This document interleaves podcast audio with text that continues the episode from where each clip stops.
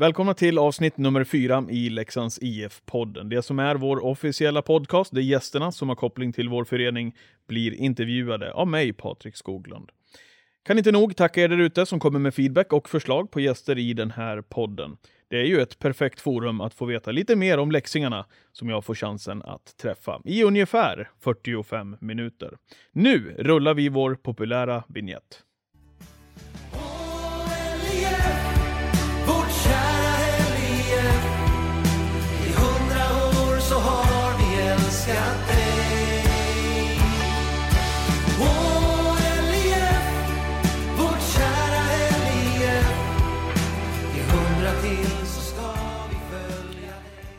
Den här veckan så träffar jag en eh, människa som verkligen ägnat större delen av sitt liv åt just ishockeyn. Ja, inte bara som spelare då, utan även som hockeyexpert i TV, sportchef och general manager.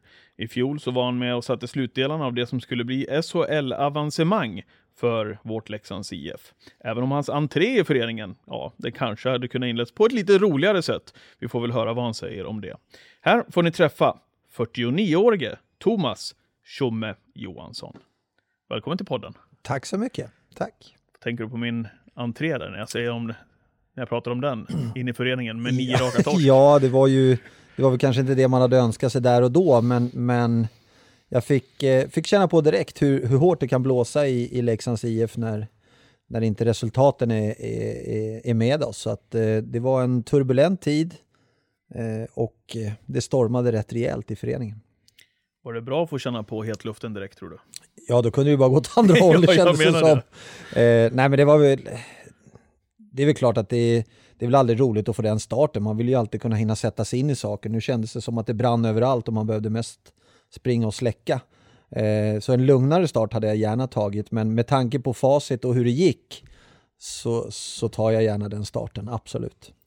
Och den ska vi återkomma till om en liten stund. 49-årige Thomas Tjomme Johansson så är det. 50-årskalas snart med andra ord. Jajamän, i augusti. Fira den på livskryssningen kanske? Ja, det är ju inte helt omöjligt Nej. att, att det kan bli, bli någonting. Men, men eh, jag tror att om jag känner min fru rätt så kommer jag nog inte vara hemma just den 18 augusti. Det tror jag inte. Blir det överraskning tror du? Det tror jag. Eh, Det tror jag. Gillar du det? Nej, gör jag inte. Men fyller man 50 så får man nog gilla det man får. Då får, Eh, då får man bjuda på det. Då får man bjuda på det. Du, vart kommer Tjomme ifrån? Eh, Tjomme kommer ifrån när, när, eh, när jag växte upp så hade vi tre Thomas på gatan. Och eh, eh, vi spelade extremt mycket landhockey på den tiden. Och, och då fanns det en kille som eh, hette eh, Stor-Tjomme. Och det fanns en som hette Tjomme. Och jag var minst, så att egentligen var det Lill-Tjomme som jag vart betecknad som. Så att Lill-Tjomme är väl mer det korrekta. Men, men därifrån härstammade det, det smeknamnet. Mm. Det har ju blivit något um, ett med dig. Ja, sen kan man ju alltid se om det är positivt för att det är många som slänger med sig den där tjommen ungefär. Ja, ja. Att man är en liten knasgök. Eh, så att, eh, men men eh, ja, de som känner mig alltid eh, i mångt och mycket kallar mig för tjomme och inte så mycket för Thomas. Om vi eh, vänder tillbaka till när du kom hit till Leksand, Thomas. Varför blev det Leksand? Vad tänkte du i det skedet? Ja, men jag, jag vart ju kontaktad. Eh, det var ju Hans Lodin som nämnde mitt namn för eh, vår nuvarande vd Andreas Hedbom. Eh, och där sattes bollen i, i rullning. Vart kontaktad av Leksand. Fick presenterat för mig vad de letade efter, vad de sökte. Jag gjorde väl min, min riskanalys av eh, historien i Leksand med, med alla in och ut, eh, självklart. Men också framförallt det viktigaste för mig var att jag skulle känna att jag någonstans kunde ge Leksand någonting som de inte hade eller som de kanske inte hade jobbat eh, likadant tidigare och på så sätt förhoppningsvis eh, försöka hjälpa föreningen framåt och tillbaks till i sockerns finrum. Så, så det var väl mycket det som kittlade, att det, det fanns så mycket outforskad mark som jag hade jobbat med som inte fanns i Leksand som jag kände att jag kunde bidra med och det, det gjorde att jag tyckte det var extremt eh, spännande. Vad bestod den marken av? Nej, men det är väl alltid från lite hur man, dels hur man tänker i, alltså SHL idag är ju mer en utvecklingsliga där det handlar om att utveckla individer. Eh, och alla spelare i SHL idag är någonstans på väg någonstans tills man kanske bestämmer sig för att nu är det skolbarn och nu vill jag flytta hem och, och då blir det SHL kanske mer permanent i senare delen av karriären. Men då måste man också driva en förening på det sättet varje dag hela tiden med att se till individens utveckling. Adderade jag också då den erfarenheten jag hade fått när jag jobbade som eh, på Simor framförallt som hockeyexpert med vilken typ av ishockey funkar, hur har den utvecklingsresan sett ut i Hockey-Sverige och vad sitter jag inne på för kunskaper som då vi kan implementera för att också följa med i utveckling kring vilken hockey som faktiskt på sikt eh, kommer hjälpa oss till framgångar. Eh, där också fanns det då de, att jag jobbar rätt mycket med de statistiska parametrarna som också blir en någon slags i den känslostormen som en hockeymatch är, att ändå kunna känna sig trygg och lugn i beslut framåt. Eh, bara för att vi har bra siffror eller kanske spelar en ishockey behöver ju inte innebära per automatik framgång, men det gör ändå att man förhoppningsvis får fler eh, bättre beslut än eh, vad man kanske skulle ha tagit annars. Om du tar oss med på den resan som vi, som vi pratade lite grann om här med den, med den tråkiga inledningen som du hade ju, som du inte påverkades, skulle påverkas mycket i såklart. Eh, när du kom hit med de här raka förlusterna fram till det att vi bytte tränare och hela den resan du fick vara med på i fjol. Hur skulle du vilja summera den? En av de häftigaste upplevelserna jag har varit med om i svensk ishockey faktiskt. Eh, det var ju eh, otroligt turbulent, inte bara att vi förlorade hockeymatcher också. Vi, vi valde efter ett tag att, att eh, släppa Leffe Karlsson och plocka in Roger Melin utifrån att ja, men Leksand påverkas ju av fler faktorer än bara de sportsliga resultaten. Helt plötsligt var det inte så mycket folk på läktaren, folk var rätt uppgivna. Då kommer helt plötsligt ekonomin och då börjar organisationen att skaka och det var också en viktig parameter in i beslutet. Eh, sen drabbas vi också av en tragisk olycka med Tobbe Forsberg direkt när Roger Melin klev in i båset egentligen och hur, hur den resan blev, vad hände med gruppen, vad hände med laget eh, utifrån den händelsen och, och, och sen så successivt också med att vi började vinna hockeymatcher. Ja, det, var, det, det är svårt att liksom ta på själva resan som sådant, men det var så många händelser, så många intryck från den säsongen som gör att den sitter extremt djupt rotad i mig och, och, och mitt hockeyhjärta. Vad, om du ska försöka sätta ord på det, vad såg du i gruppen som ändå är nära gruppen? Om du ska försöka sätta ord på det där. Jag såg att det fanns en potential i gruppen. Eh, det gjorde det. Det fanns många spelare som just där och då när, när jag kom in inte kanske spelade sin bästa hockey egentligen. Och, och eh, utifrån det då försöka hantera alla de här äh, känslostormarna som var med, med den, de konflikterna som ändå fanns i laget med tränare, allt som hände runt omkring med folk som inte ville. Det, det, det, var, det var speciellt. Men, men också analysen framåt vart ju vad, vad är det vi behöver få in? Vad finns det? Hur kan vi försöka få de här killarna att slappna av och börja spela eh, så bra ishockey som det fanns potential till? Eh, även om man själv ibland tvivlade på, har vi ett lag för att slå oss upp i SHL? Så, så fanns det ändå en kittlande tanke med det, det, det laget vi hade på pappret. Och kan vi få det att studsa åt rätt håll och sen behöver man en stor portion tur. Vi hade ett bra special teams när det väl behövdes. Vi hade bra målvaktsspel när det behövdes. Och vi hade de här sista liksom, sekunderna vid rätt tidpunkt på våran sida. En sån här minnesbild som jag verkligen har ifrån säsongen är när vi åker ner till Karlskrona och spelar och, och vi leder matchen ända till, jag vet inte riktigt när, Karlskrona helt plötsligt gör 4-3 tror jag, eller om det är 3-2. Och, och, vi är alltså ungefär 30 sekunder ifrån att inte ha kontroll och äga vår egen utgång, utan lämna den i händerna på Västerås. Men vi lyckas kvittera, vi lyckas dessutom vinna i övertid och den poängen vi fick med oss där visade sig sen mm. bära hela vägen. Så, att, så var det med tanke på att Västerås gick ju som tåget. Ja, de gick ju som, och de gick ju rent sen resten. Så hade vi legat efter dem efter den matchen, då hade inte vi varit det laget som hade fått fortsätta våran resa.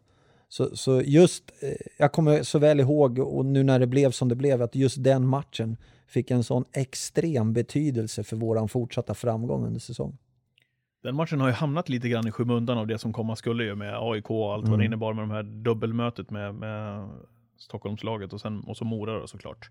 Men det är precis som du säger, vilka små marginaler var redan där. Ja, det, det, och det gäller att ha dem, dem på sin sida vid rätt tidpunkt Eh, och det tycker jag vi hade. Och, och vi fick också med Rogers Melins inträde det här liksom, att få spelarna att våga slappna av och tro på sig själva och släppa lite pressen och våga spela. Eh, vi låg tre poäng tror jag ifrån kval när Roger tog över. Eh, att han kom in just vid den tidpunkten med sitt ledarskap var, var extremt viktigt för oss där och då. Men sen är det de här små marginalerna på, på resans gång. Och jag, just den, de sekunderna som jag tycker vi hade på vår sida, det var nere i Karlskrona. Nu med lite distans till det som hände, den fantastiska eh, SHL-avancemanget som ju blev. När kan du säga nu med handen på hjärtat Thomas att du trodde att det här skulle kunna gå hela vägen? Ja, inte förrän vi egentligen vann i, i eh, Mora, sista matchen som vi gjorde, eh, att, att vi rodde hem det. Eh, för Mora hade ett så pass bra lag och, och, minsta lilla att det hade liksom den psykologiska effekten att det hade studsat över till dem. Eh, vi inleder ju med två vinster. Eh, de vinner en. Eh, vi åker dit upp egentligen. Och, och, eller vi, vi lyckas vinna här hemma. Vi åker dit upp. Och hade de vunnit den och det hade vänt tillbaks till Leksand igen. Det hade varit tufft. Hade det varit. Mm. Så att jag, jag vågade faktiskt inte tro det förrän Eh, med tanke på sadden och det också förrän eh, Jesper Ollas spelade fram August Berg och pucken satt i nät. Vad kände du? Ja, en enorm glädje. Jag, jag, brukar vara rätt sådär återhållsam, jag brukar inte vara sådär, men jag, jag satt ju precis som jag gör nu, jag satt ju bakom inne i vårt omklädningsrum och såg matchen. Och när den pucken går in, jag bara rusar ut som en, som en galen tonåring som, som är på väg ut på, på galej mm. ungefär, rätt ut i, i båset och kramade om eh, ledarna och det där ute. Så att det var en enorm glädje. Var det. Fantastisk eh, resa under hela fjolårssäsongen. Absolut. Och i det läget, Thomas, som ju kom efter Mora-serien där också, hur, hur var du tvungen att jobba med spelare och tillsättning av truppen när du också i slutfasen av den här serien, du pratar om Karlskrona där och hela den biten upp. Hur var du tvungen att jobba med nästa års trupp? Vad hamnar man i för läge? Man hamnar i ett läge där, där man, man har inte så mycket valmöjligheter att göra. Vi hade ju också behövt säkra upp en, en trupp för framtiden med utgångsläge kanske då Hockeyallsvenskan.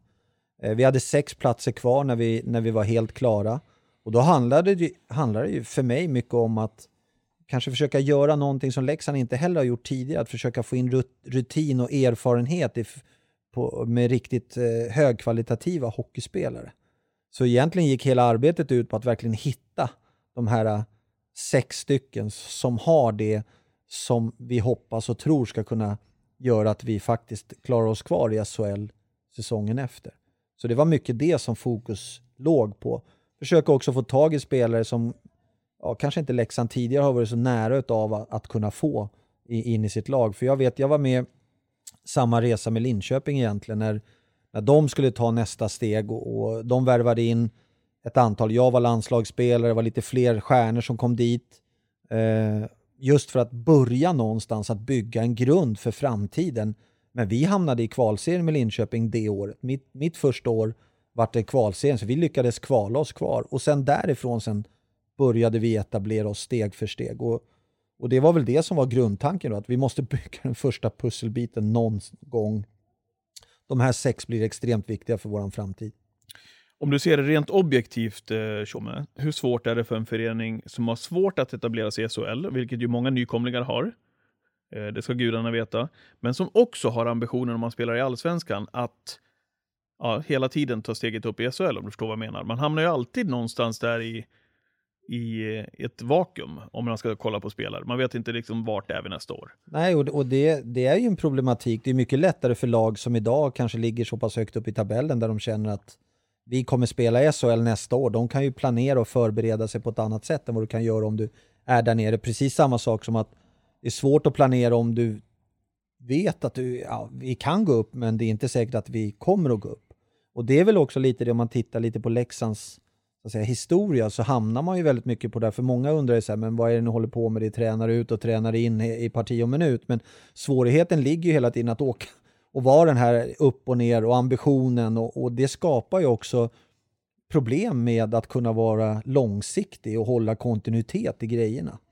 Men, men de flesta lag som är nykomlingar i SHL har x antal år när det är väldigt tufft, när det är lite rörigt i, i lagen, och man försöker vara långsiktig, men man behöver ibland också agera lite kortsiktigt. Men, men förhoppningsvis så, så kan vi också någonstans våga vara lite långsiktiga, hugga tag i det här och få bygga det här så att vi får en stabil förening som någonstans håller ihop Mm. eh, på ett sportsligt sätt. Att det inte bara är eh, fansen som sluter upp och håller ihop och stöttar oss, utan att vi också även inom sporten kan få hålla ihop gruppen, få jobba tålmodigt, bygga pusselbit för pusselbit och på så sätt förhoppningsvis göra Leksand till en, en sportsligt framgångsrik förening också.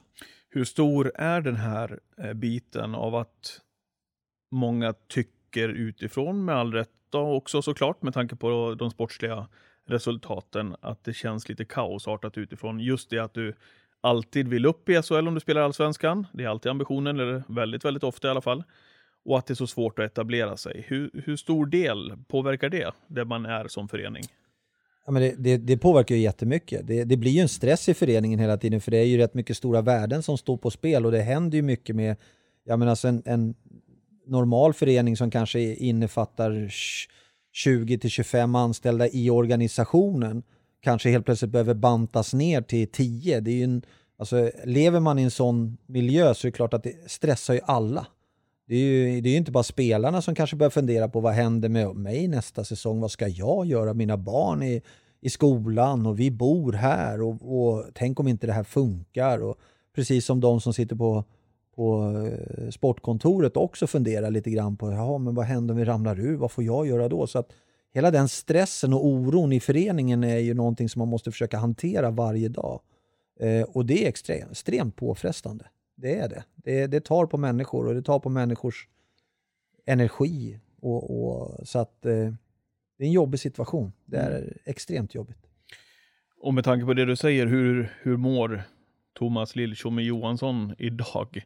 Med tanke på att eh, resultaten inte har gått vår väg så här långt den här säsongen. Hur påverkar det dig som person, såsom eh, familjefar och hela den där biten som supportrarna och, och vi här på jobbet inte ser? Nej, men det, det blir ju även... Eh,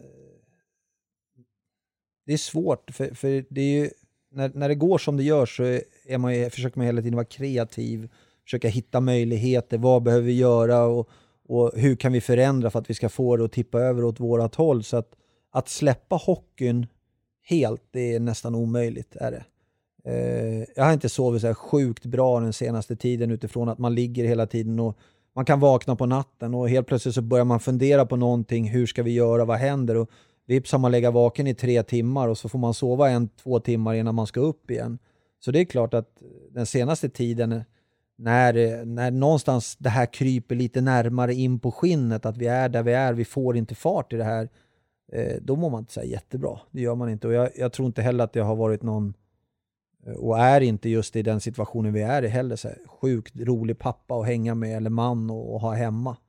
Så, så det har, jag har mestadels varit här i Leksand faktiskt. Jo, jag vet det. Jag tänkte säga, du har inte varit hemma så mycket. Nej, utifrån att det, det också, jag känner att det är bättre att jag inte är hemma så mycket utifrån att jag faktiskt har svårt att släppa det fullt ut. Men hur, hur vill du och hur hanterar du den situationen? För utåt sett till media och, och till supportrar och sponsorer så vill man ju alltid vara stark och ha energi.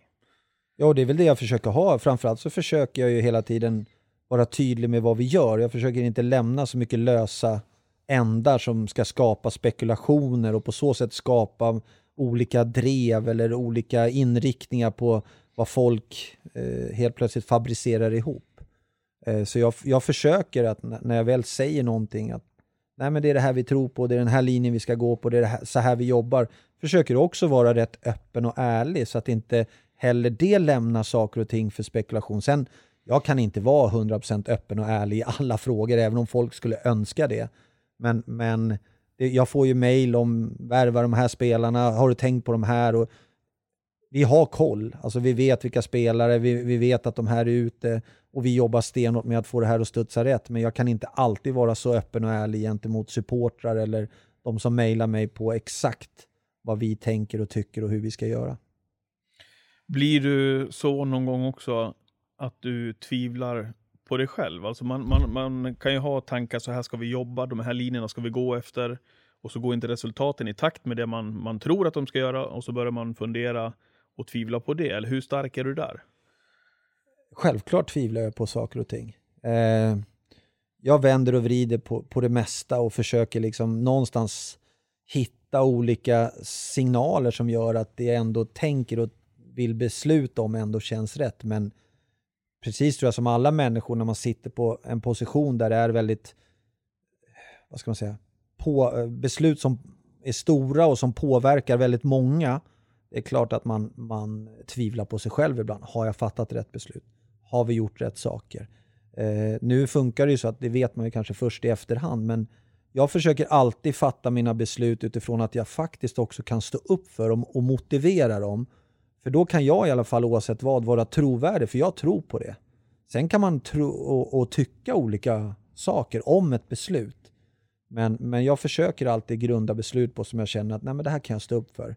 Jag försöker vara ärlig, jag försöker aldrig eh, säga någonting och göra något helt annat. Jag vet jag har fått lite skit för att jag ibland säger så här, nej, den här är inte aktuell och sen dagen efter är de det. Men uppriktigt sagt, hur många sportchefer står liksom och säger att jo då, för tusan, så här är det. Mm. Utan det är ju, ja man kan ju välja att säga så här, inga kommentarer. Och, och då blir det ju spekulationer utifrån det. Mm. Eh, säga nej, ja då blir det Mm. så att man hamnar alltid i den, den, det jobbiga läget där vad man än säger. Men jag försöker vara så öppen och ärlig som jag kan. Vi var inne på det eh, Thomas, du lever ensam här uppe eh, och du är väldigt ofta här uppe. Det är inte speciellt ofta jag går in på kontoret och du inte sitter där om du inte är ute i någon arena och, och, och tittar. Men hur är det eh, med tanke på familj och barn och så? Hur ser familjesituationen ut för dig? Ja, men jag, har- jag har ju en otroligt förstående fru i, i Camilla som kör hela racet där hemma. Vi har ju fortfarande eh, två mindre grabbar som behöver ha lite uppbackning med skjutsningar och hämtningar och, och sådana där saker. Så, så hon, hon sköter hela den rulliansen så att eh, jag någonstans kan vara här så mycket jag känner att jag ska aldrig behöva känna en stress att jag behöver vara hemma. Utan hon har sagt att jag fixar det här, det är lugnt, du kommer hem när du kommer hem. Det enda jag vill veta är Det enda jag vill är att du är på bra humör när du kommer hem. Ja, ungefär så. När du kommer hem så var hemma. Mm. Håll inte på med massa andra saker. Det är väl egentligen den stora kravbilden jag har på mig. Eh, samt att hon ibland behöver kanske säga, jaha, när hade du tänkt att komma hem nu då? Så att, Mm. så att jag vet ungefär. Men annars så har jag ju, eh, utan hennes förståelse och hennes insats så skulle jag aldrig ha tagit det här. Då skulle inte det vara möjligt heller. Så att eh, det är klart att, att hon betyder extremt mycket för att jag ska kunna vara här så mycket som jag försöker att vara. Och förhoppningsvis, jag vet ju att folk har haft åsikter om sitter hemma i Stockholm och roddar Leksand. Det är ju inte riktigt så det funkar. Det kan jag skriva under på. Ja, Mm. nej, det är... Du, barnen, Mm. hockeyintresserade de också? Ja, det är ju, eh, Simon är ju, eh, spelar ju i Djurgårdens A-lag eh, och de andra två spelar ju i Djurgårdens U16 och eh, jag har den minsta som spelar Djurgårdens U14. Så att det är två rightare och en leftare brukar jag säga. Det är hockey för hela slanten. Det är en första line. Ja, det är första line. Är, de är, eh, nej, alla tre är väl, det är väl Viktor där, den minsta som inte riktigt har bestämt sig om han ska vara back eller forward. Han brukar pendla lite grann. Men både Anton och Simon har, har slagit in på backspåret. Så att, eh, De går i pappas fotspår. de går i, ja, de, i alla fall på den positionen. Sen, sen har ju de betydligt större talang och kvaliteter än vad jag hade när jag var i den åldern. Oj! Ja, men det har de. De är, de är betydligt bättre än vad jag var där och då. Jag, jag var ju en liten late bloomer som kom lite senare. Jag hade ju mycket bra grejer, men, men kanske inte så mycket bra grejer som de har så tidigt i, i, i sina hockeykarriärer eller hockeyliv. Hur är det, med handen på hjärtat, att se Simon i Djurgården när vi möter, möter Djurgården? Eh, ja, men det är alltid eh, lite spänt att, att, att se honom spela. Jag tycker att det ändå har blivit bättre. Jag vet, jag var mer orolig förra säsongen, när det, eller för förra säsongen när han gjorde debut i, i, i Djurgården. Det där med att hur kommer han klara det här? Och det blir ju alltid lite lampan på på före detta hockeyspelare, söner och mycket prat om det. Men just nu känner jag mig rätt trygg med Simon är extremt duktig. Han driver sig själv. Han, han, eh, han, han är eh, otroligt duktig hockeyspelare, så jag känner mig rätt trygg när han spelar. Självklart som pappa så vill man att det ska gå bra för ens barn, men, Men han får gärna göra tre mål och, jag, och vi vinner med 4-3, då känner jag mig helt nöjd. Det är det bästa. Det är det bästa resultatet. Ja, det är bra. Du, för din egen del då, Thomas, du sa att du var en late bloomer. Kollar man till din karriär eh, rent stort eh, så har du ju fina meriter. Hur summerar du din hockeykarriär? Min hockeykarriär var nog... jag, jag, eh, jag, jag, var, jag förstod nog aldrig riktigt att jag var rätt duktig. Jag hade inte några föräldrar som var eh, hockeyintresserade på det sättet eller speciellt idrottsintresserade utan jag spelade på ute i lilla Vändelsö som ligger två och en halv mil utanför Stockholm. Eh, och sen efter ett tag tog jag klivet till, eh, till Djurgården och sen så var jag i Djurgårdens organisation som ung under en period innan jag helt plötsligt fick för mig att jag skulle ner och spela ishockey, seniorishockey nere i Nynäshamn och så därifrån sen till Nacka som då var farmaklubb till Djurgården. Men jag tror faktiskt aldrig att förrän jag kanske var runt 21, 22 att jag förstod att oj, jag är rätt duktig. Saker och ting bara hände. Jag bara tog steg för steg men jag, jag förstod nog aldrig själv riktigt att jag hade talangen för att spela ishockey. Och det blev ju Djurgården eh, från säsongen 91 till 99.00 till och med, ja, innan mm. det blev en sväng i Finland där. Eh, och på högsta nivån. Hur, mm. var, hur var de åren? Eh, otroligt eh, kul, när jag kom in i Djurgården så, så var ju fortfarande Thomas Eriksson och Arto Blomsten och Kenneth Kenholt och de, de var de stora spelarna i Djurgården då.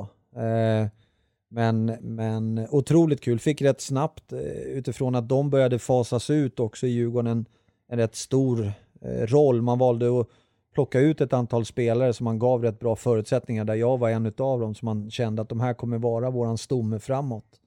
Eh, och det kändes. Det var extremt kul att man trodde så hårt på, på mig som, som spelare. Så att, eh, jag hade en, eh, en extremt rolig tid i Djurgården. Och det blev ju landslagsspel där också. Mm. Eh, jag hade ju några säsonger, på den tiden så var det ju inte som Eh, det var, det var ju många som var väldigt fast boende i landslaget. Alltså svensk ishockey var ju kanske starkare då utifrån att det var mer spelare som var kvar i den inhemska ligan som ja men du flyttade ju inte på eh, många spelare som spelade i landslaget kontinuerligt. Det var ju samma landslag turnering efter turnering efter turnering. Så det var rätt tufft att slå sig in i landslaget där. Men sen... Vilka gubbar var med i landslaget där då? När du... Ja, det var ju eh, Sigge Svensson och de här som var med och körde. Eh, Thomas Rundqvist. Eh, Bergqvist var med. Challe Berglund var med. Alltså det var ju den, den kategorin spelare som var toppen i Sverige. Men, men den kategorin spelare idag, som, som, de spelar ju kanske i Nordamerika eller i, så att det har ju liksom skalats bort och det har ju gjort att det har öppnats upp också med möjligheterna för nya killar att komma in i landslaget. Men just där och då så var landslaget rätt stängt. Man provade inte så många nya i turnering efter turnering utan det var kanske någon enstaka till höger och vänster. Men när du väl kom in i landslaget då blev du ju du blev kvar där också? Ja, länge? Nej, men jag tog chansen. När jag väl fick den så tog jag den. Jag hade några bra säsonger där kommer ihåg att jag gjorde min VM-debut i, eller jag gjorde min debut i landslaget när vi var i Ryssland och spelade då sista året i, i Svestia-turneringen som den hette. Uh, jag tror det var det året jag fyllde 29 eller någonting sånt där. Så, så då verkligen fick jag chansen och fick spela i, i landslaget och sen efter det sen hängde jag i där ett antal år. Uh, och gjorde två VM-turneringar där jag var anmäld. Jag var en tredje VM-turnering där, där jag aldrig blev anmäld. Uh, innan jag sen ja, inte dög längre. Och det roligaste från landslagsperioden? Ja, men det är ju hemma-VM var ju den absolut häftigaste upplevelsen och, och att vi fick brons. Eh, vi var ju så när, vi förlorade ju på straffar i semifinalen mot Slovakien gjorde vi som sedermera sen gick och vann. De hade ju rätt mycket bra spelare med Palfy och Bondra och Chara och ja, det var ju idel NHL-stjärnor som, som ställde upp i, i Göteborg då, men det var en otroligt häftig upplevelse. Och när det gäller din eh, karriär då i klubb, klubblag, vad, vad minns du mest? Eh, SM-guldet med Djurgården. Jag mm. kämpade många, jag tror det var min tredje final.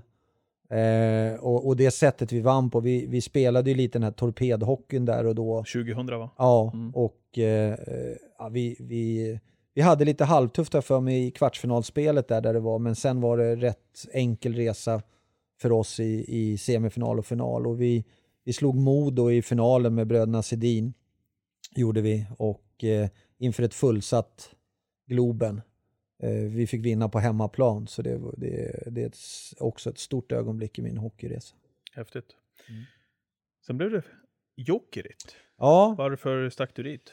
Ja, men jag hade varit i, i Djurgården och, och jag vet Hardy Nilsson sa till mig också att eh, jag tycker Thomas att du ska liksom ta en sväng ut i, i, och göra någonting annat. Jag hade liksom kände att jag hade varit i samma miljö under en längre period och, och, och det var liksom läge att få en ny kick i karriären, att, att någonstans få se lite andra grejer och på så sätt ja, få lite ny energi. Eh, jag hade, som, hade spelat länge i Djurgården, det var sam, i stort sett samma människor. Och, ja, jag var, kände som att jag var lite på väg ner i, i den fasen och då, då var det eh, Finland som var nästa. Men bara en säsong?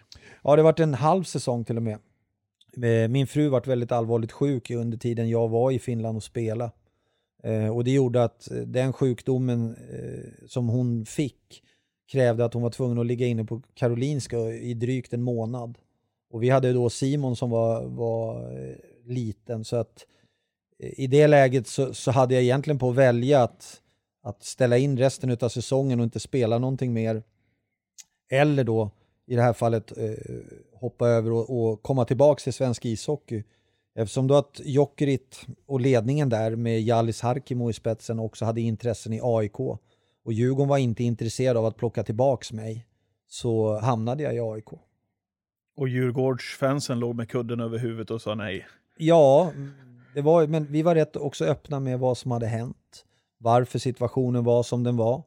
Eh, så att jag upplevde aldrig att det var något problem så. Jag vart aldrig hotad eller någonting sånt som rätt, rätt lätt kan hända. Men vi var rätt öppna i media också med vad var det som gjorde att vi hamnade i den situationen. Vad skönt, för det är ju inte någon övergång som man, eller övergång var det inte från Djurgården till AIK, men det var ju ändå, du är ju väldigt starkt förknippad med Djurgården. Absolut, eh, och jag förstår ju den känslan också hos gemene man, men, men jag tror att mycket, mycket av förståelsen kom genom att vi var väldigt öppna med hur våran Eh, situation utanför eh, sargkanten var.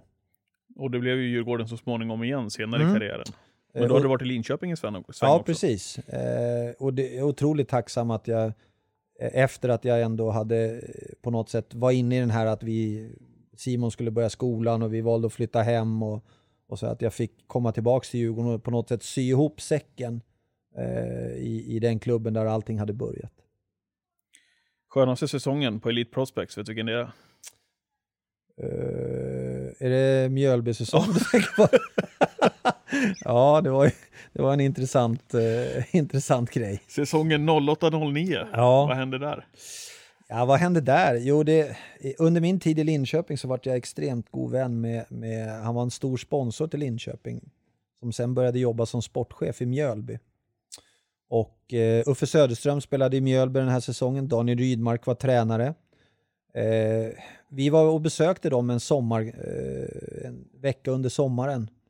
Och där han frågade mig vid poolkanten rätt sent en natt med, med kanske lite för många... Var det vadslagning? Nej, inte vadslagning utan mer en, en konkret fråga sådär. Thomas om, jag tror klockan var säkert typ tre på natten och, och ja, det var nog lite för mycket alkoholhaltiga drycker i kroppen och en spontan fråga kom att om Thomas vi får problem under säsongen på backsidan. Skulle du kunna tänka dig att komma ner och spela lite med oss då i Mjölby? Ja, självklart där i mitten på juli någonstans. Eh, sagt och gjort, han ringde mig i, ja, in i första veckan i november. Då ringde han till mig och sa att du Thomas, vi har eh, vi, det här vi pratade om i somras, kommer du ihåg det? Ja. Eh, jag försökte komma ur det, men ja absolut. Och, och eh, jag var då helt inställd på att jag kanske skulle få någon månad på mig att träna för jag hade faktiskt inte rört mig en, en enda meter utifrån att jag hade slutat spela. Eh, så jag sa till honom, ja men det är väl självklart att jag kan komma ner och hjälpa. Jag, behöver, jag kan komma någon gång i mitten på december eller något sånt här spela. Och då var han väldigt tydlig med att säga, nej det har vi inte tid med, vi behöver ha dig nästa tisdag. Eh, så att det var bara att, att åka ner. Eh, så jag, jag, satt, jag åkte ner och tränade med laget två gånger, sen spelade jag egentligen bara matcher. Eh, och jag hade rätt långt. Jag hade liksom den närmsta eh, matchen jag spelade var i stort sett i Mjölby. Mm. Sen satt jag och åkte runt. Jag var i Skå, Skåre, spelade i Lövbergslira, det var i Mjölby, vi var i Lindesberg, eh, Kumla. Var det kul då? Man var ju inte tillräckligt tränad så det vart ju inte så roligt. Det är mycket roligare om man liksom känner att man är i form och man kan verkligen eh, liksom bidra, men, men Ja, jag, men tre mål och trea, sex poäng på sju matcher, det är ju inte, ja, det är rätt inte, otränat var det illa pinkat. Nej, eh, och jag kommer ihåg jag hängde den i, i krysset första matchen gjorde jag.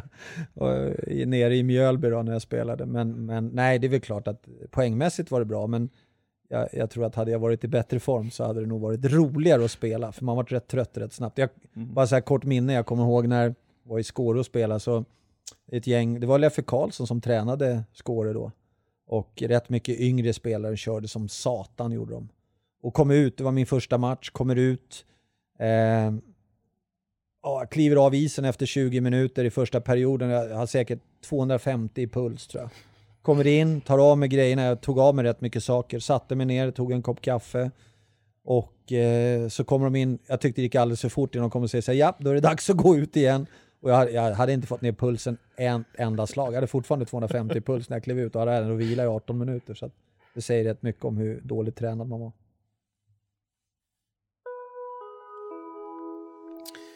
Vi är denna vecka sponsrade av Ejendals och deras fantastiska, snygga och sköna handskar. Om jag ger dig en handske här, Tjomme, vad, vad säger du om den? Tycker du att den är snygg? Ja, det är ju otroligt fina handskar. Hur känns det om du drar, drar på dig handsken? Bara liksom nu, Varma, Nu. sköna. Eh, ja, men de känns verkligen att de andas kvalitet. Mm, bra Tjomme, för den handsken som Tjomme just nu provar, den kommer från den nya vinterkollektionen Tegera Dynamic Strength, som skyddar dina händer, inte bara Tjommes just nu, utan även under de längsta arbetsdagarna i kalla arbetsmiljöer. Stort tack till vår sponsor Tegera.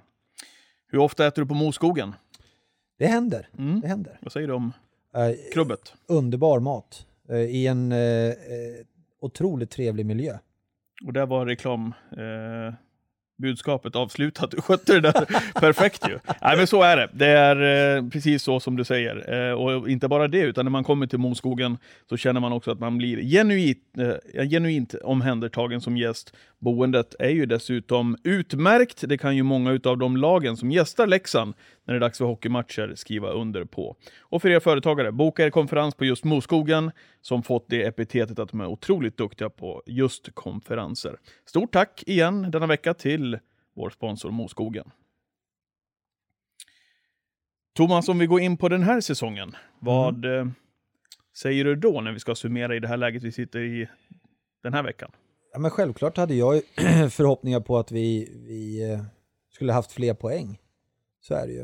Eh, tittar vi på eh, säsongen som stort så hade vi ju en, en extremt bra första del med de första fyra, fem matcherna men kom sen in i en djupare svacka som varade rätt länge. Eh, tog oss ur det och sen, sen har vi liksom kastats mellan lite hopp och förtvivlan hela tiden. Vi har vunnit någon men så har vi förlorat två eller tre och så har vi lyckats vinna någon. Och sådär. Vi har liksom inte riktigt fått saker och ting att, komma över den här lilla knölen som jag tycker att vi både har potential till men också som vi har kämpat med eh, i stort sett hela säsongen. Du känner att det, det du har i truppen, de spelare, att de har mer att ge. Det hade varit kanske värre om du hade känt den andra känslan, om jag förstår det rätt. Att de har vridit ur sin tröja varje, varje match och känner att jag, jag har inget mer. Det, det är så här bra jag är. Ja, absolut. Jag, jag, jag tycker att vi, vi någonstans, har jag ju sett det som en positiv grej också, även fast det har varit tungt, att ja, men har, har, har vårt lag presterat sin bästa ishockey under en lång period? Nej, det tycker jag inte. Har, har individuella spelare presterat sin bästa ishockey? Nej, det tycker jag inte heller och det ser jag som någonting positivt. Att det finns en inneboende potential i den gruppen vi har. Men vi har haft problem som gör att vi inte riktigt har kommit till rätta och kunnat kräma ur utav varje spelare.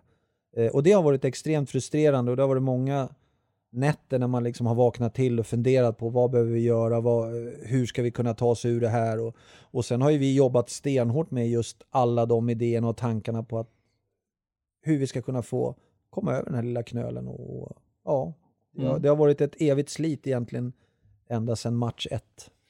Och häromdagen så valde ni i sporten och föreningen att ge plats för Uffe Samuelsson på bekostnad av Roger Melin. Dina tankar kring det?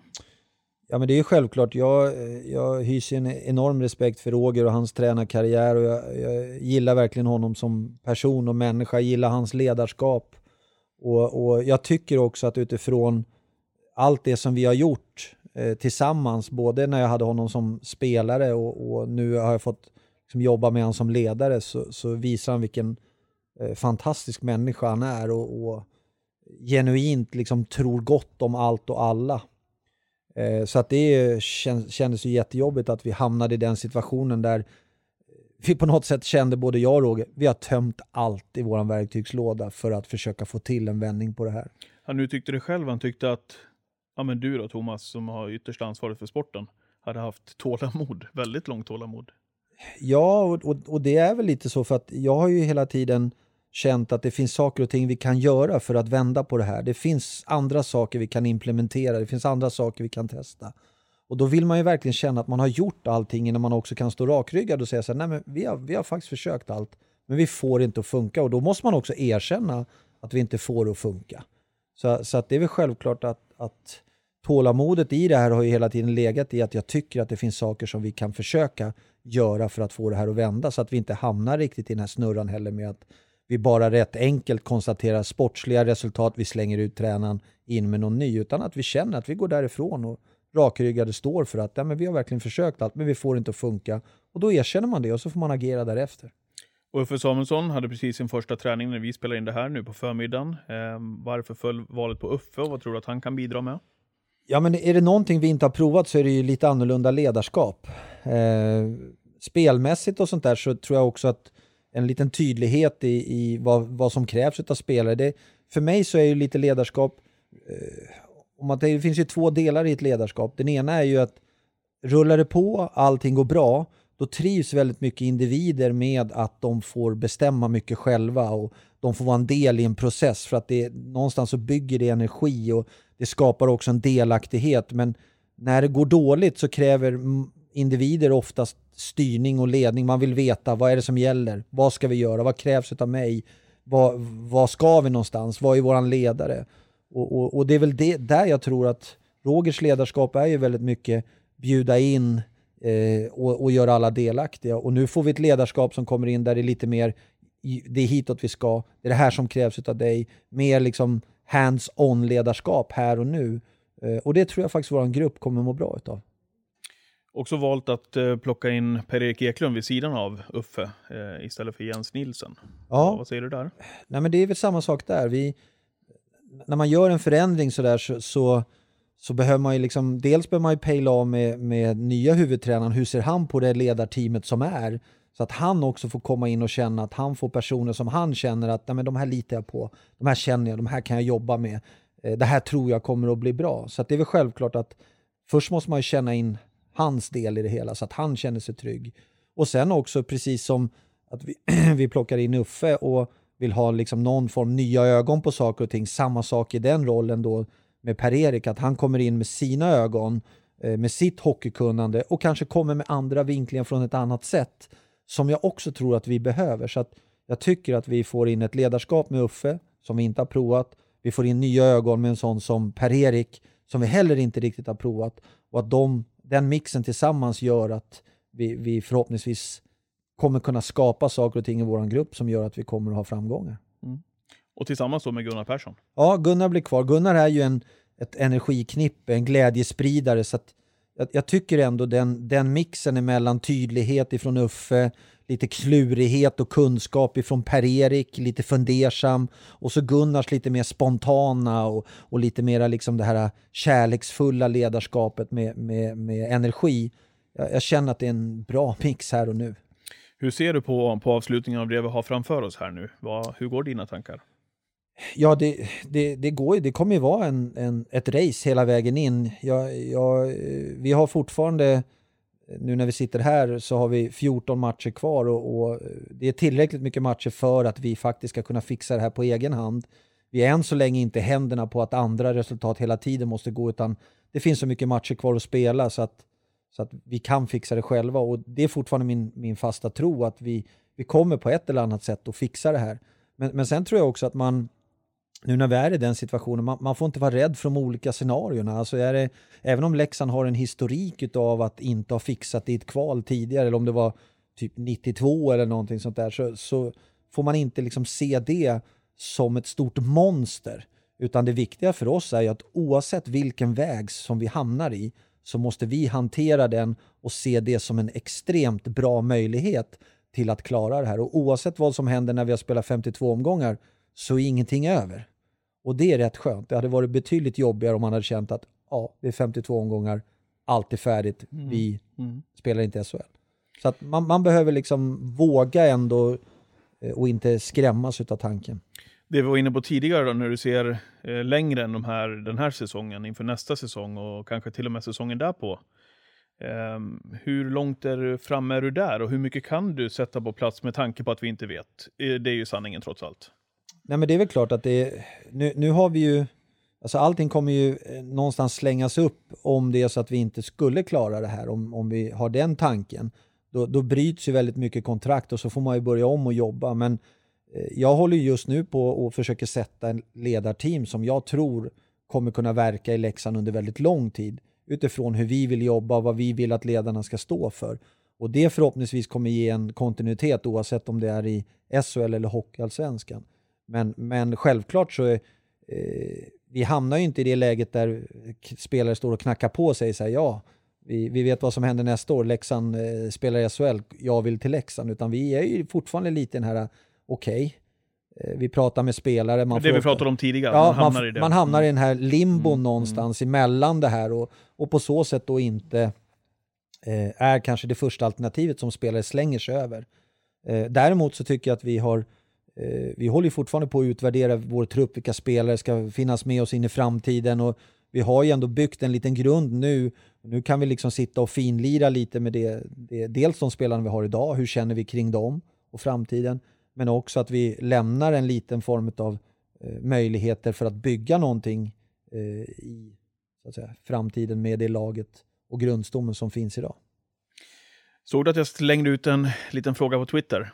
Jo, jag märkte det på mitt eh, Twitterkonto. Ja, det rasslade in lite. Ja, det var... Eh, Jag ställde nämligen frågan på min egen Twitter eh, om eh, folket där ute eller fansen hade några frågor. Så jag tänkte att vi kör dem här om du... Shoot, shoot. Eh, så får du väl ta dem du känner för att ta. Absolut. Helt enkelt. Eh, vilket är ditt bästa hockeyminne? Frågar William Andersson. Eh, ja, det är väl två. Dels eh, SM-guldet med, med Djurgården Eh, är ett, men också den resan vi gjorde med Leksand i, i fjol är eh, ett eh, extremt trevligt hockeyminne. Lars Nyberg undrar, finns det något kryphål som ger möjligheten att övertala Emil Heinemann att ändra sig? Vår junior ska vi säga för övrigt.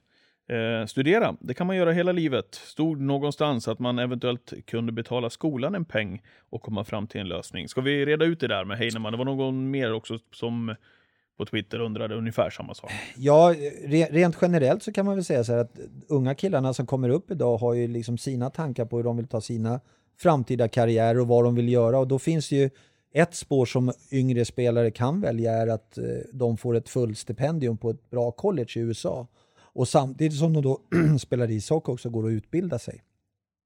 Och eh, är det så att man väljer det spåret då får man inte ha att göra med professionella hockeyspelare. Man får inte vara i den miljön och spela matcher med professionella i, i en viss utsträckning för då, då straffas man i nästa instans om man vill då söka college. Och där hamnar ju SHL-klubben, jag vet Frölunda hade samma problem om det var för typ två år sedan med ett antal spelare som sa nej för att de inte, eh, för att de ville gå collegevägen. Eh, och det är någonting som vi måste hantera och, och vi får gilla att unga killar har sitt eget driv och sin egen inställning till saker och ting. Så, vi i Leksand tycker bara att visst, vill man välja den vägen, vi har absolut inga hard feelings kring det. Tommy Andersson undrar, när kommer det några nyförvärv? Ja, det. Det är väl inte bara Tommy Andersson som undrar, det är ditt eh, Nej, Twitterflöde? det är, inte, det är lite skönt också när. Ja, det är inte så här om, Nej. utan det är när. Och, och, och det är ju ja, det är inte heller alltid så där enkelt att säga. Vi är ju 50-60 klubbar ute i Europa som slåss om de spelarna som någonstans kommer upp på marknaden. Eh, självklart är det ju så också att vill man, som, om jag är duktig i ett annat lag, mitt lag som jag spelar i inte tar sig till ett slutspel, eh, välja då ett lag som krigar för att vinna en medalj och kunna ta sig eh, högt upp om man får det på sitt CV eller välja en klubb som riskerar att hamna i en trubblig situation neråt. Så vi står ju kanske inte heller högst upp på listan utifrån vad spelarna väljer. Så att jag, jag kan inte säga när vi får ett, vi jobbar stenhårt på att hela tiden se vad är det vi behöver förstärka med och finns det ute på marknaden här och nu. Så att eh, ja, vi får se. Mm. Tidvis bitter heter Twitter-användaren här som skriver Vilka spelare försvinner om vi inte lyckas hålla oss kvar? Egentligen kan man säga så här att alla kontrakt som är eh, skrivna utifrån en SHL-mall eh, upplöses efter och det är ju för att föreningarna inte heller ska hamna i ekonomiska trubbel genom att man sitter med stora avtal på spelare. Sen finns det en liten så här, twist på det där. Man kan komma överens om att ett avtal gäller oavsett om man, vilken liga man spelar i. Och vi har några sådana avtal, men jag kan säga att det, merparten av våra avtal eh, upphör att gälla om det skulle vara så att vi inte fortsätter att spela i SHL. Mm. Birk Rigelman skriver Kommer man som tidigare hitta en rutinerad tredje målis som man kan låna in från en annan serie? Det kommer vi göra. Var nog så ja. Ja. Prins Johan skriver, varför agerade du så sent vad gäller ledarfronten? Vi har varit inne på det tidigare i och för sig. Många läxingar hade sett att något behövde göras tidigare, kanske i höstas, där vi saknar till exempel en Christer Olsson-typ. Absolut. Eh, jag, jag, jag kan köpa det också med tanke på att Christer var med oss fjolåret där, men återigen så har ju vi hela tiden jobbat utifrån att det har funnits saker och ting som vi har tyckt har varit väldigt bra och jag tror att om, om man tittar på generellt sett hur vi har spelat ishockey så tror jag många ändå känner att ja, men Leksand spelar ändå rätt bra. Det finns mycket bra saker och det har väl vi också känt och därifrån sen har vi då jobbat med att hur ska vi liksom komma över den här knölen och, och det tar lite tid. Man kan inte bara för att man inte just här och då får resultaten med sig slänga alla under bussen och så börja bygga om. Utan man måste också tro på det man har gett sig in med. Man har ju ändå valt att tro på det från första början. Så det är väl Mm. klart att det, det, man behöver ge en sån process lite mer tid. David Leskinen skriver, vad kommer att komma in eh, innan fönstret stänger? Kommer Uffe ha mandat att ändra spelsystem? Och i så fall, är det smart, inom citationstecken, med så lite tid kvar? Jag, jag, jag tror inte att Uffe och jag ser hockey på så olika sätt. Eh, så att det, det kommer inte bli några radikala förändringar i vårt sätt att spela. Självklart så kommer det vara så att Uffe identifierar ju våra problemområden och eftersom att vi själva kanske inte riktigt har lyckats lösa dem så kommer han med sina ögon att försöka lösa dem. Så att, att det skulle bli några jättestora förändringar i vårt spel, nej, det kommer det inte att bli utan det är kort tid, det gäller att komma in, göra de små korrigeringar som behövs för att vi ska bli tajtare bakåt, få igång ett powerplay, stänga ner vårt boxplay och på så sätt då vi börjar vinna hockeymatcher.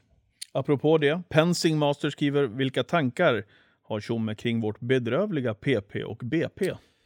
Ja, jag lägger mig inte i sånt där. Eh, det, jag håller bara instämmer bara att det inte har fungerat.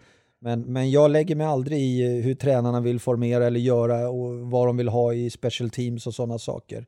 Det är inte så att jag heller sitter och styr fem mot fem spelet utan hela processen med när man tar fram en, en spelidé är ju att eh, vi presenterar ju, det här är de sakerna som, som behöver ingå. Sen sitter man och, vi satt i somras med hela tränarteamet och gick igenom där vi alla var överens om det är den här typen av ishockey vi ska stå för, den här ishockeyn vi ska spela. Eh, och, och sen så börjar man jobba därefter. Så att det är inte så att jag sitter och på något sätt som någon överhuvud och bestämmer att nej, ni får inte göra si, ni får inte göra så, utan tränarna får förtroende, tränarna måste få verka, de måste känna sig trygga med att de kan förmedla det budskapet till spelarna. Behöver de ha ett bollplank ibland och fråga? Absolut, då finns jag där, men det är ingenting som bara jag sitter och styr och hittar på. Anders Claesson undrar, har, har verkligen laget rätt spelarmaterial efter eh, att spela efter Tjommes spelsätt med mycket pressspel? Ja, återigen, det är ju inte mitt spelsätt på det sättet, men, men, eh, ja, men jag tycker att vi har, eh, vi, vi har ett lag som klarar av att spela den typen av spel.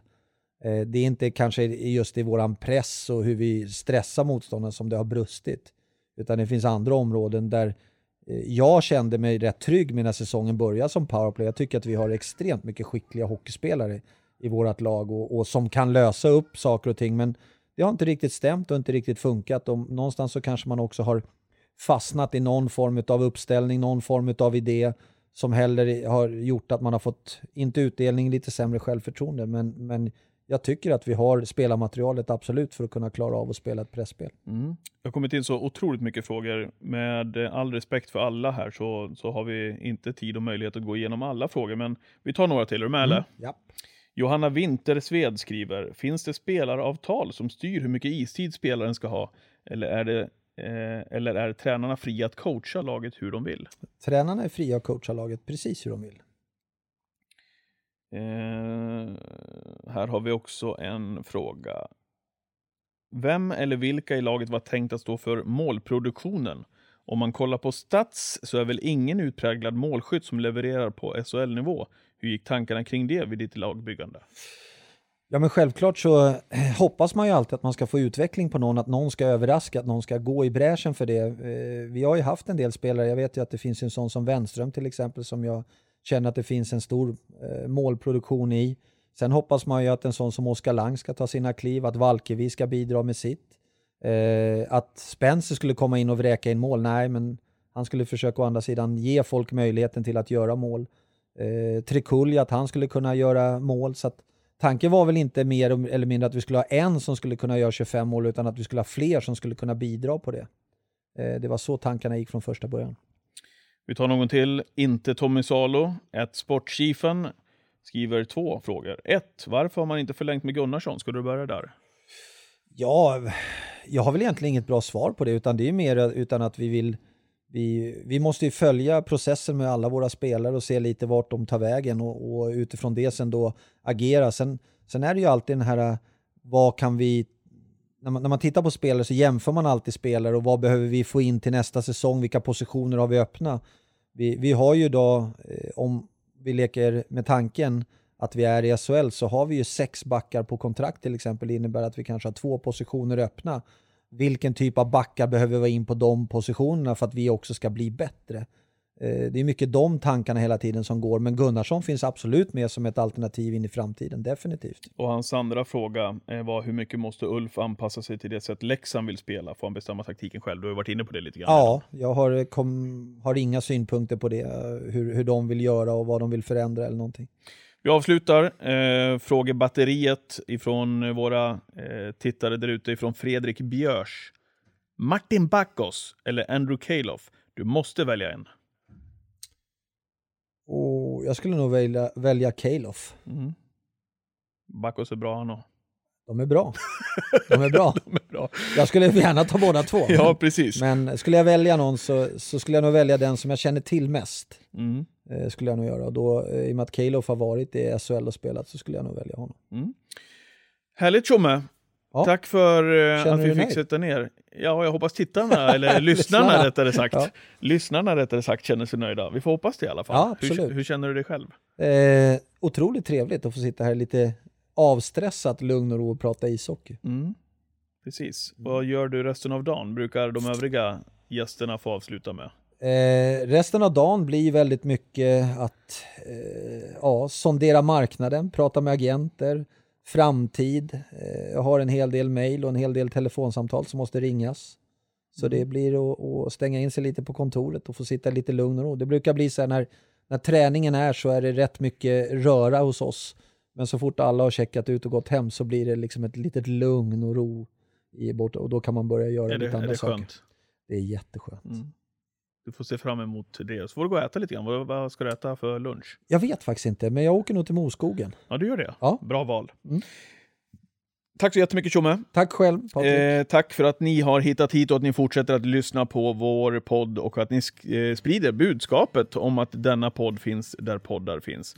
Så ska ni göra eh, varannan vecka framöver, precis som det har gjort tidigare. Har ni några förslag på framtida gäster i podden, mejla Patrik Skoglund, leksandsif.se. Musiken som ni hör i bakgrunden den är gjord av Johan Eriksson. Låten heter I hundra år så har vi älskat dig, klippare av podden. Ja, han heter Fredrik Eklund. Vi säger på återhörande och hoppas att vi ses på tisdag när vi tar emot Malmö här i Tegera. står vi högst upp på det berget Vi ser allt det som vi kämpat för där så klart som solen lyser våra färger. Vi vet vi kommer alltid finnas här.